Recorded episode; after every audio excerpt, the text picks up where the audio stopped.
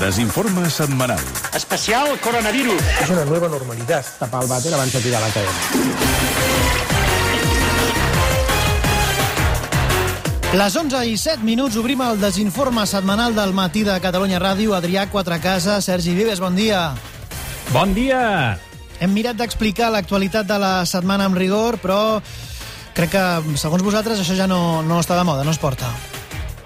No, no, no, no, no. De fet, no. Eh, per això som aquí, per eh, retocar-la. I com que nosaltres l'actualitat de la setmana no ens ha acabat de convèncer, el que hem fet és dedicar-nos a crear-ne una d'alternativa.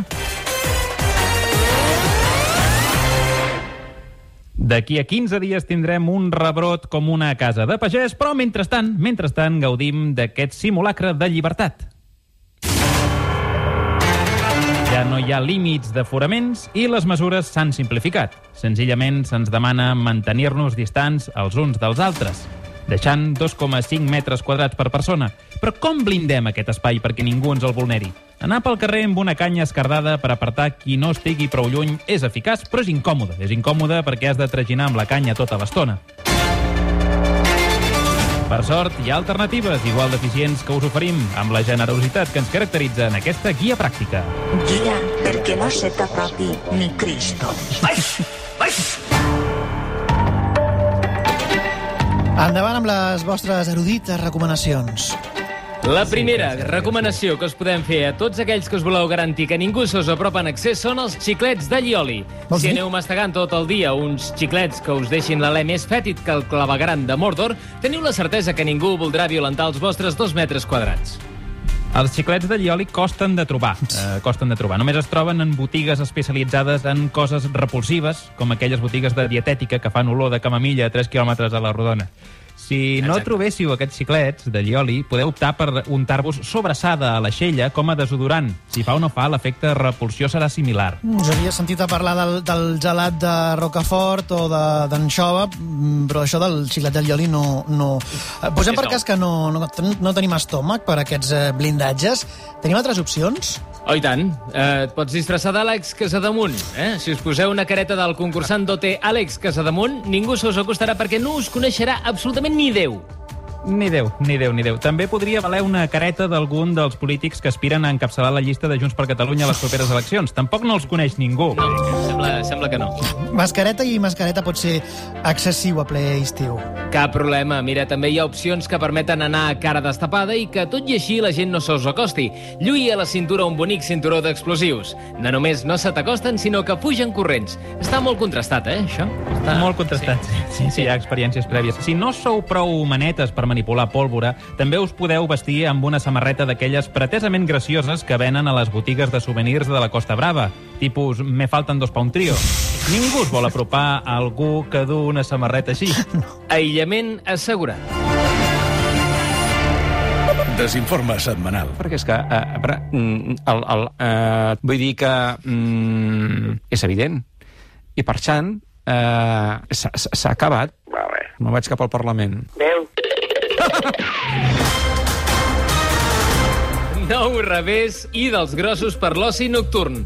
Si durant la prèvia de Sant Joan es prohibia ballar a les sales i discoteques amb desconeguts o individus aliens al grup o col·lectiu habitual, ara la Generalitat ha anat un pas més enllà en una decisió que ha encabritat encara més el sector. Oh! El govern ha permès que els clients de les discoteques puguin accedir-hi amb bambes. No. Sí, una, una decisió sense precedents que pot provocar un autèntic daltabaix, tal i com assegurava Joaquim Boada, secretari general de la patronal de l'oci nocturn. màxim desconcert i màxima inseguretat jurídica entre el sector. Això és el que hem traslladat a la Generalitat aquesta tarda.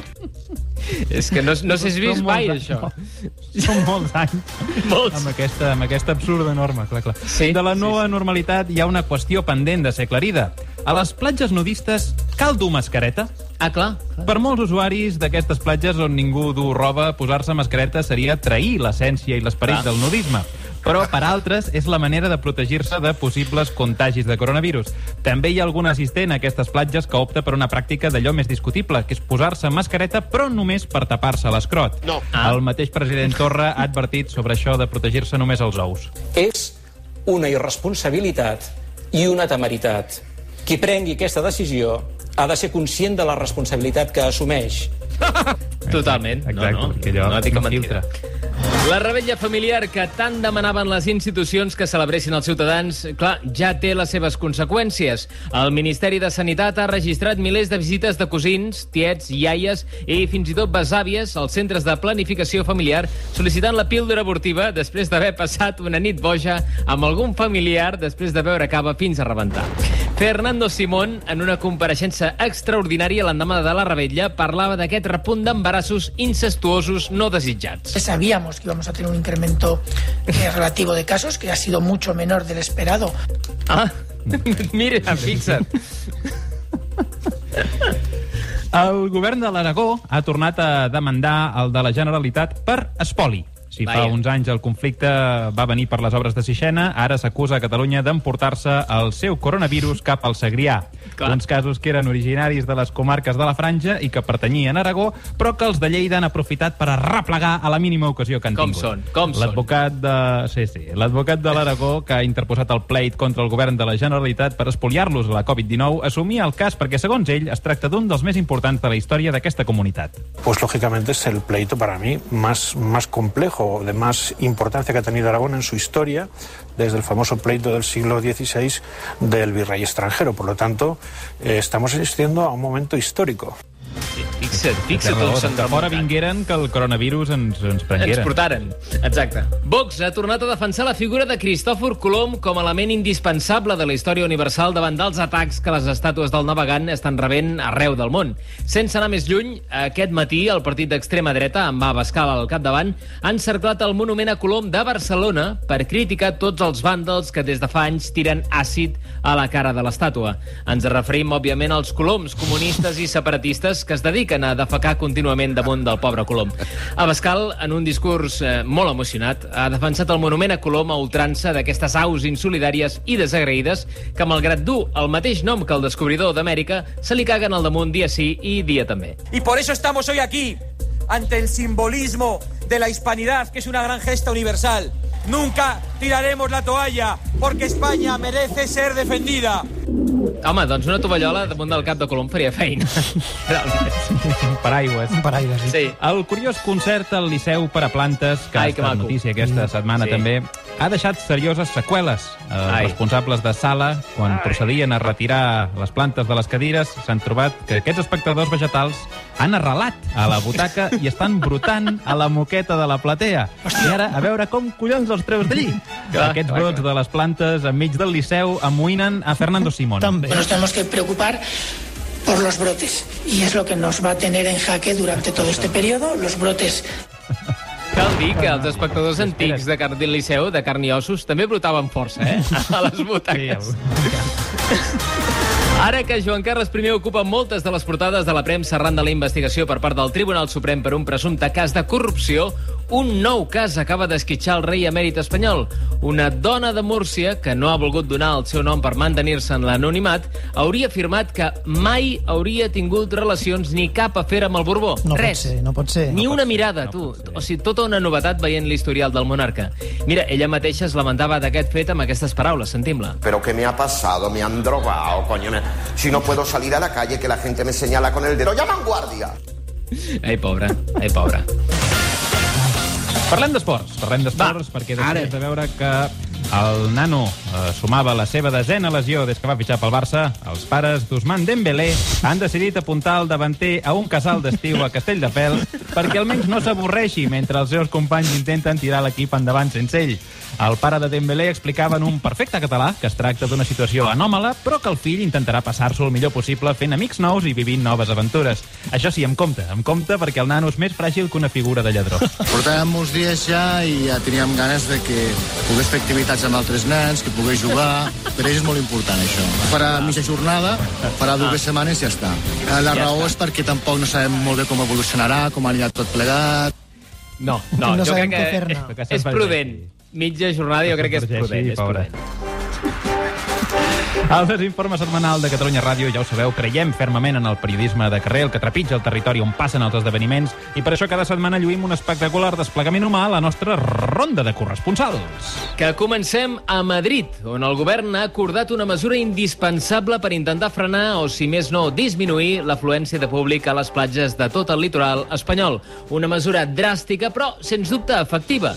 Albert Calatrava, Madrid, eh, aquesta mesura passaria per obligar tots els banyistes a dur tanga, un fet que podria incomodar no només aquells que no se'l vulguin posar, sinó també tots aquells que no tenen estómac per veure centenars de culs blancs, peluts o pallaringosos més d'una hora seguida. Ja hi ha acord per instaurar l'oblig- l'oblig- l'obligatorietat del tanga, Albert? Sí, no hi ha acord encara, però el govern espera anunciar-ho, això diuen a les pròximes hores, perquè la intenció és portar la mesura en un Consell de Ministres extraordinari abans d'acabar la setmana.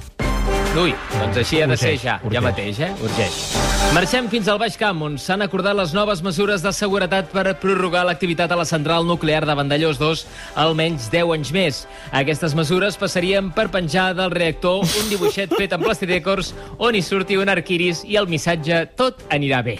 Manel Sastre, central nuclear de Vandellós.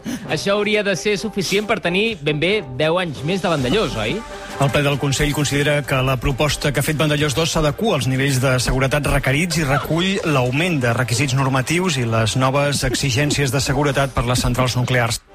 Home, tu diràs, una pancarta com aquesta ho pot tot, tot. Magnífica informació, company, i acabem la ronda de corresponsals a Euskadi, on, igual que Galícia, ja tenen en dansa aquestes campanyes electorals. Per saber com ha arrencat la campanya basca, l'Adrià Quatre Cases s'ha desplaçat fins a Bilbao. Bon dia, Adrià. Bon dia! Bon dia des de la capital del País Basc, on aquesta mitjanit he pogut presenciar com l'enganxada de cartells eh, els bascos la fan amb saliva. I menjar cocotxes els deixa unes baves amb aquesta força i resistència no. amb capacitat per aguantar drets uns pòsters de 5x5. Avui hi ha previstos els primers mítings. Eh, Urcullo, el candidat del PNB, espera un ple a l'Arenal de Bilbao. El candidat del Partit Socialista intervindrà des del Guggenheim a Patà i el candidat de la coalició PP Ciutadans ha organitzat un míting en un antic zulo utilitzat per ETA. Un Ai. espai de 9 metres quadrats que li va perfecte al Carlos Iturgaiz, tant pel seu discurs farcit de referències a l'extingit terrorisme com per la baixa expectativa d'espectadors que té. En aquest zulo hi cabran de sobres. Deixeu-me explicar també que la població està d'allò més excitada amb la campanya electoral. Eh, he vist ci- ciutadans bascos eh, celebrant-ho molt fort. Mentrestant, a la seu de Bildu estan tensos. Eh, les enquestes auguren que podrien perdre algun dels 18 escons que tenen ara i per això estan pensant en un cop d'efecte que els doni ales, com per exemple anunciar que si guanyen decretaran que de les aixetes en comptes d'aigua en ragi patxaran. Una proposta que faria les delícies del gruix del seu electorat, jovent, hiperventilat i crèdul amb pentinats de gust discutible. I les estimacions Això sí de vot deixen a Vox sense representació. Això seria un cop dur per Santiago Bascal, que és basc, i constataria que ningú és profeta a la seva terra.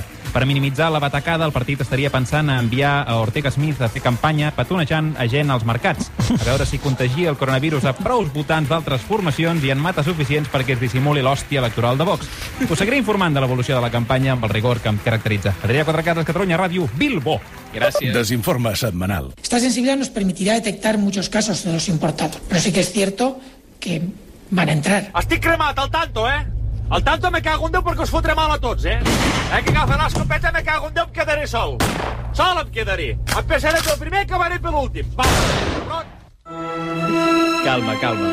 Aquesta setmana el ministre Marlaska ha tingut l'honor de que li dediquessin una sessió a ell solet. Al punyetero li havien preparat una preciosa recusació al Congrés, però ell no es va ni presentar. Lleig, també, eh? Lleig, ell voldria que amb l'afer de la purga a la Guàrdia Civil passés com amb l'afer de les tortures en dependències judicials, que desapareixés màgicament. Però les seves capacitats com a bruixot estan passant per serioses dificultats, ja que l'enganteri que necessita exigeix la pronúncia d'un mot que li resulta impossible.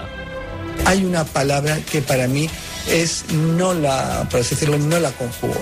Anda, dísela. Es supercalifragilisticoespialidoso. Es la palabra que no conjugaré nunca.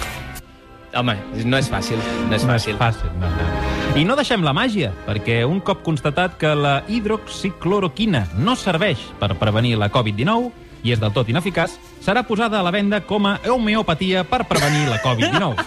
es manté així la lògica comercial de tota la homeopatia Segur que i que triomfa. tan bona sortida té Sí, sí, triomfa moltíssim entre neuròtics i ignorants. L'especialista que s'encarrega d'encapsular hidroxicloroquina en format homeopàtic ens confessa la fórmula màgica. Cuando llegas a las concentraciones habituales de los remedios homeopáticos, no queda ni un átomo de la sustancia original. Es solo agua o azúcar si se toma en pastillas. Es equivalente a disolver una pizca de 0,8 gramos de sal en el volumen de agua del océano Atlántico. Molt bé, fantàstic. Un, un glob d'aigua de mar. Sí, sí, no et cura això. Jo Ve ja molt no de gust. Què, jo ja no sé què espereu. El Departament d'Interior ha alertat de l'alt risc d'incendis per aquest estiu degut a la presència d'un excedent sense precedents de paper de vàter a les cases dels catalans. El govern ha estimat que hi ha amuntegades unes 200 tones de paper higiènic que encara no s'haurien utilitzat comprades als inicis del confinament. Moltes cases estan començant a fer cremes controlades del seu excedent de paper de vàter per evitar ensurts. Des de Protecció Civil s'han donat una sèrie de mesures. Aquells que vulguin cremar els 10 o 15 paquets de paper de vàter que els ciutadans encara tenen a casa amb total precaució. eh, és sobretot important eh, respectar els horaris i els dies autoritzats. Els dies autoritzats són tots, exceptuant eh, diumenges i festius, mm. i l'horari és de 6 a 12 del matí, només. Eh, cal eh, tenir en compte que dintre d'aquestes mesures és molt important que el foc mm. es faci amb un terra absolutament net, amb un radi de 3,5 metres com a mínim. Home, doncs eh, Sí, ja no, està ho feu al previngut. menja... no ho feu sobre la catifa, no? No, Vigileu. no, fa de mal fer. El think tank de l'independentisme ha trobat l'argument definitiu i inapel·lable per la causa. Exigeixen la independència per raons sanitàries com a mesura de distanciament. Segons aquests estrategues del procés, separar Catalunya d'Espanya i de la resta d'estats és la manera de seguir les recomanacions de la OMS. I, per tant, ningú anirà al trullo perquè la proclamació no l'hauria fet cap polític, sinó la mateixa Organització Mundial de la Salut. Ah! Eh, la Organización Mundial de la Salud an- analizó en dos ocasiones y en la segunda tomó la decisión de declarar La República Catalana com a estat independent i sobirà de dret democràtic i social. La jugada mestra. Ja està. Sí, sí, l'enèsima Jugada jugada mestra. Si ho diu la OMS... Ah, Ah! S'ha parlat molt sobre les lesions que tindran els futbolistes eh, aquests dies que han reprès la competició després de tantes setmanes sense moure's pel confinament, però no s'ha parlat gaire del principal problema que tindran els actors i actrius quan tornin a les sales del teatre. Un estudi diu que més del 50% dels actors i actrius, un cop tornin als escenaris, es quedaran afònics a mitja representació després de, clar, mesos sense projectar la veu com demana una obra teatral. Molts d'ells estan afectats només pensar-hi. És el cas de la veterana actriu Núria Esper, que diu que el temor a quedar-se sense veu abans de l'entreacte és una cosa que no li havia passat mai. Això ha estat una experiència teatral. I no només per mi. Jo crec que ho ha estat per tots. I es nota també en la, la tensió. Sí, com són aquests actors, eh? Et quedes afònic a mitja obra i dius, no, és que és teatre modern. Sí, són molt així. El Ministeri de Cultura té perfectament planificat el retorn del públic a les sales de teatre i també a les de cinema, prioritzant que es compleixin els criteris de distanciament estipulats. És per això que, pel que fa al cinema, es limitaran les projeccions permeses només de pel·lícules kosovars, nord-coreanes i islandeses en versió original no subtitulada. Això de les islandeses és veritat, eh? El Gorin en, ens va recomanar pel·lícules islandeses. Creus que diem Insinues mentides? Que, que hem dit alguna mentida? No, no, bueno. Val, val. I, i el teatre? Rigor, rigor. Sí, T'han dit del teatre. El teatre es representaran només obres de teatre alternatiu, d'aquestes que entres amb poca idea del que vas a veure, i en surts amb menys idea encara. José Manuel Rodríguez Uribes, ministre de Cultura, defensava aquesta proposta innovadora que garanteix una ràtio d'espectadors sanitàriament acceptable, programant només espectacles que siguin eh, rotllos patateros. es una decisión de país eh, mucho más razonable y justificada, lo cual no es óbice para que en otros momentos podamos implementar otro tipo de medidas específicas cuando las circunstancias lo permitan. Fantàstic. Clar que sí. El Gremi de la Restauració viu, atenció nois, un nou problema com si no en tingués prous. Després de les mesures imposades pel govern a la desescalada, amb terrasses obertes del 50% amb distanciament entre els clients, ara un col·lectiu demana una nova mesura de confinament. Un distanciament de dos metres entre les pizzas i les porcions de pinya que alguns cuiners hi tiren per crear la famosa pizza tropical. Els detractors que consideraven aquesta unió un sacrilegi gastronòmic volen aprofitar les mesures de distanciament als restaurants per mirar de separar la pizza i la pinya de forma física i, si és possible, perpètua. Definitivamente, definitivamente, hay beneficios. No hay duda de eso. Hace mucha lógica eh, distanciarnos, eh, evitar el contacto eh, para que se pueda parar la epidemia. Que trist, molt trist, Sí, sí. molt trist. I amb la desescalada amb la també... desescalada... Endavant, Adrià. Sí, no, dic amb la de la desescalada també han tornat els robatoris. Els lladres Ah, que estaven confinats i havien limitat els seus furts a casa seva, robant el raspall de dents de la parella o prenent peluixos als fills amb qui conviuen, ara poden tornar a robar, a robar als carrers. Això sí, això sí, se'ls aplica al seu gremi normes de la fase 1 i han de mangar en un radi limitat a un quilòmetre del seu domicili i sempre dins del propi municipi. Diversos veïns que ja han estat atracats entenien que era un signe de normalitat i que els lladres puguin entrar-los a casa plena nit a robar. És el cas d'aquesta veïna del barri del Poble Nou, a qui han mangat la caixeta de les joies després d'obrir-li la caixa forta. Sí, agraïm que la gent no, pugui tornar a obrir, no? la gent que es dedica a això, que pugui recuperar una mica l'activitat econòmica. Home, és que s'ha de pensar Ho han tothom. passat molt malament. Sí, sí, Ho han he de dir que, passat molt malament. he de dir que dos metres de separació entre la pizza i la pinya em sembla poc. Hem estat conservadors Sembla aquí. poc, eh? Tu ets d'aquests, eh? Ets un sí, radical. soc- Sí, sí, ayatollah de... Si no heu deixat canya dreta, només heu, he trobat a faltar una mica algun atac a l'espanyol. Mm, oh! No, home, no. No ho faríem no, mai, atacar No ho faríem mai, Prou ja pena saps. tenen amb ser de l'Espanyol. Adrià Quatrecasa, Sergi Vives, bon dia, gràcies. Bon cap de setmana. El matí de Catalunya Ràdio.